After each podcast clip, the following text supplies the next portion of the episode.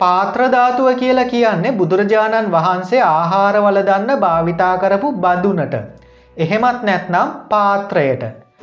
පාත්‍රධාතුව කියලා කිව්වම ජීවමාන බුදුහාමුදුරුවන්ගේ කාලයේදී බුදුහාමුදුරුවන් භාවිතා කරපු පාත්‍රධාතුන් වහන්සේලා ගණනාවක් ගැන අපිට සඳහන් කරන්න පුළුවන් නැත්නම් මතකයට නැගෙනවා.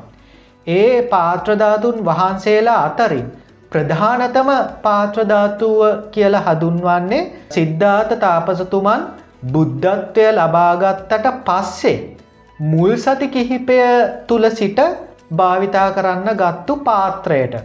එතකොට බෞද්ධ සාහිත්‍ය නැත්නම් ඔය ජනප්‍රවාද කතාවල තියෙන්නේ මේ පාත්‍රය සතරවරම් දෙව්වරු බුදුහාමුදුරුවන්ට පූජා කලාය කියලා. ඉතින් සිද්ධාත තාපසතුමන් බුද්ධත්වය ලබාගත්තට පස්සේ ඒ මුල් සති කිහිපය තුළම බුදුරජාණන් වහන්සේ ළඟට එන මේ සතරවරම් දෙව්වරු රත්තරම් පාත්‍ර හතරක් උන්වහන්සේට පූජා කලා කියලා බෞද්ධ සාහිත්‍යය සඳහන් වෙනවා.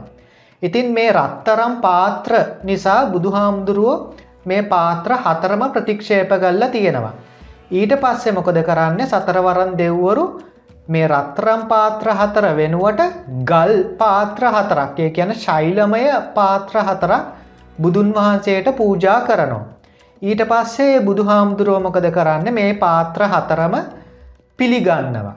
පිළි අරගෙන බුද්ධ අධිෂ්ඨානයක් කරනවා මේ ශෛලමය නැත්නම් ගල් පාත්‍ර හතරම එකට එකතු වෙලා එක පාත්‍රයක් බවට පත්වෙන්න කියලා. ඉතින් එහෙම එක පාත්‍රයක් බවට පත්වෙච්ච ඒ ශෛලමය පාත්‍රය තමයි බුදුහාමුදුරුව බුද්ධත්වය ලබපු මුල් කාලයේ සිට නැත්නම් මුල් සතිකිහිපේ සිට සෑහෙන කාලයක් විශාල කාලයක් භාවිතා කල්ලා තියෙන්නේ. ඊට පස්සේ තුන්වන ධර්ම සංගායනාවේ ප්‍රතිඵලයක් විදිහට අපේ රටට බුදුදහම නැවත ලැබෙනවා. මේ නැවත ලැබීමේදී මහින්ද මහරහතන් වහන්සේ ප්‍රමුඛ ධර්මදූත කණ්ඩායමක් අපේ රටට ආවාය කියලා සඳහන් වෙනවා. මේ කණ්ඩායමේ හිටපු ලාබාලතම කෙනා තමයි සුමන සාමනේර හාමුදුරුව. මේ සුමන සාමනේර හාමුදුරුව අපේ රටට එන්නේ මේ බුදු හාමුදුරුවන් භාවිතා කරපු මේෂ් කියන ශෛලමය පාත්‍රයක් අරගෙන. ඒක ඉන්දියාවේ ධර්මාශෝක අධිරාජ්‍යයා විසින් අපේ රටේ දේවානම්පිය තිස්ස රජ්ජුරුවන්ට දීපු පරිත්‍යාගයක් විදිහට තමයි සැලකෙන්නේ. ඊට පස්සේ මේ පාත්‍රය අපේ රටේ රජකමේ සංකේතයක් බවට පත්වෙනවා.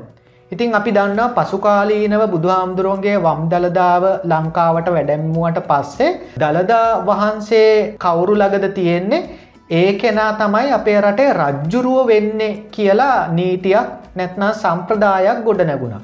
එතකොට දල්දා වහන්සේ එන්න කලින් ඒ සම්ප්‍රදාය තිබ්බ පාත්‍රධාතුවට. පාත්‍රධාතුව කවුරු ලගද තියෙන්නේ ඒ කෙනා තමයි අපේ රටේ රජ්ජුරුව වෙන්නේ. ඉතින් පාත්‍රධාතුව කියන්නේ අපේ රටේ රජකමේ සංකේතයක් විදිහට තමයි ඒක ගොඩනැගුණේ එතකොට ඒක පුද පූජා පවැත්වීම එක අතකින් යනකොට අනි අනිත් අතට ඒක රජකමේ සංකේතයක් බවට පත්වෙනවා. ඊට පස්සේ මේ පාත්‍රධාතුව ගැන විවිධ ඉතිහාස කතා අහන්න ලැබෙනවා අපේ රටේ ඉතිහාසේ විවිධ සන්ධිස්ථාන ගත්තම දැන් වලගම්බා රජ්ජුරෝන්ගේ කාලේ අපේ රටට එල්ල වෙන සද්‍රවිඩ ආක්‍රමණය ගත්තාම එක ද්‍රවිඩ ආක්‍රමණිකය මේ පාත්‍රධාතුවත් අරගෙන ඉන්දියාවට ගියා කියලා සඳහන් වෙනවා. ඊට පස්සේ වසභ රජ්ජුරුවන්ගේ මුණුපුරෙක් වන පළවෙනි ගජබා රජ්ජුරුවෝ. ඉන්දියාව ආක්‍රමණය කරලා ආය අපේ රටට එද්දි මේ අපේ රටෙන් අරගෙන ගියපු පාත්‍රධාතුව නැවතත් අපේ රටට අරගෙන ආවාය කියලා වංශ කතාවල සඳහන් වෙනවා. ඊට පස්සේ උපතිස්ස රජ්ජුරුවන්ගේ කාලේ සඳහන් වෙනවා විශාල දුර්භීක්ෂයක් ඇති වෙලා මේ දුර්භීක්ෂය දුරුකිරීම පිණිස පාත්‍රධාතුවත් අරගෙන අපේ රට වටේ ඒ ප්‍රදේශ හරහා සංචාරය කලා කියලා. ඉතිං ඔය වගේ කතා අහන්න ලැබෙනවා.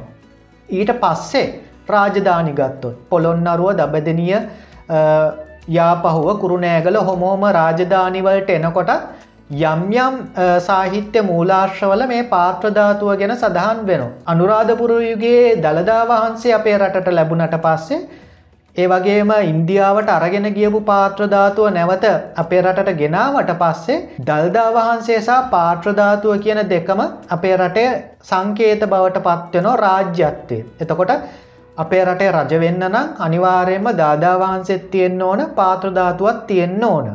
හැබැයි අද වෙනකොට ප්‍රශ්නාර්ථයක් තියෙනවා මේ පාත්‍රධාතුවට මොකද වුණේ කියලා.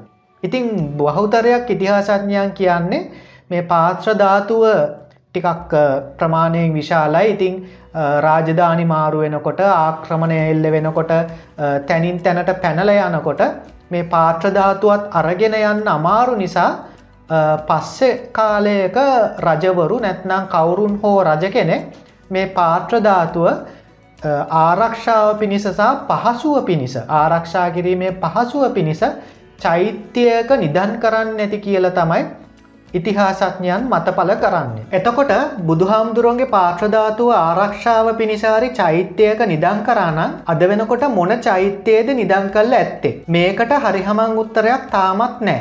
හැබැයි ගොඩක් ඉතිහාසඥයෝ විශ්වාස කරනවා මේ බුදුහාමුදුරුවන්ගේ පාත්‍රධාතුව මහනුවර දළදාමාලිගාවේ නාත දේවාල භූමි පරිශ්‍රයේ තියෙන චෛත්‍ය දෙකෙන් එක චෛත්‍යයක නිදං කල්ල ඇති කියලා. එතකොට මහනුවර නාත දේවාල භූමියේ චෛත්‍ය දෙකක් තියෙනවා. ඉතිං එක පරිශ්‍රයකටයි චෛත්‍ය දෙකක් නිර්මාණය කල්ල තියෙන්නේ කියන එකත් සැකසහිතයි. ඉතිං සමාරිතිහාසඥයෝ කියනවා චෛත්‍ය දෙකක් හදන්න ඇත්ත එක චෛත්‍යයක පාත්‍රධාතුව නිදම් කරනවා. එතකොට අනිත් චෛත්‍ය උපක්‍රමශීලීව නිර්මාණය කරපු චෛත්‍යයක් එතකොට කවුරුහරි දුහන්දුරන්ගේ පාත්‍රධාතුවට අනතුරක් කරන්නාවත් එයාට ෂනිකව හොයාගන්න වෙන්නෑසා එයා දන්න නෑ හරියටම මොන චෛත්‍යයේද පාත්‍රධාතුව නිදං කල්ල තියෙන්නේ කියන එක කියල තමයි ඒ ඉතිහාසඥ විශ්වාස කරන්නේ. ඉතින් ප්‍රධානතම විශ්වාසය තමයි ඒක ඒ කියන්නේ නාත දේවාලයේ තියෙන චෛත්‍ය දෙකෙන් එක චෛත්‍යයක බුදුහාන්දුරගේ පාත්‍රධාතුව නිදං කල්ල ඇති කියන විශ්වාසය.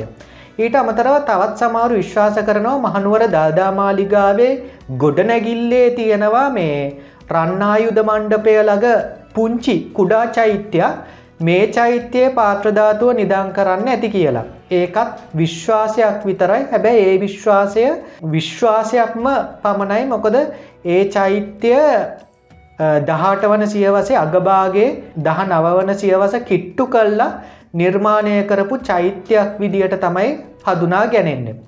ඊට අමතරව තවත් සමහරු විශ්වාස කරනවා මල්වතු මහාවිහාරයේ චෛත්‍යය පාත්‍රධාතුව නිදං කරන්න ඇති කියලා. තවත් සමහරු විශ්වාස කරනවා බෙලිගල රජමාවිහාරයේ චෛත්‍යය බුදුහාන්දුරුවන්ගේ පාත්‍රධාතුව නිදං කල්ල ඇති කියලා. ඉතින් මේ වගේ එක එක විශ්වාස තියෙනවා අපි අහපු ප්‍රශ්නය ගත්තොත් ඒ කියන්නේ අපේ රටට ගෙනාපු මුල් පාත්‍රධාතුවට මොකද උනේ කියන ප්‍රශ්නය ගත්තම ඇත්තට මේකට උත්තරේ තමයි තාමත් ඒ පාත්‍රධාතුවට වනේ මොකක්ද කියලා දන්න කවුරුත්ම නෑ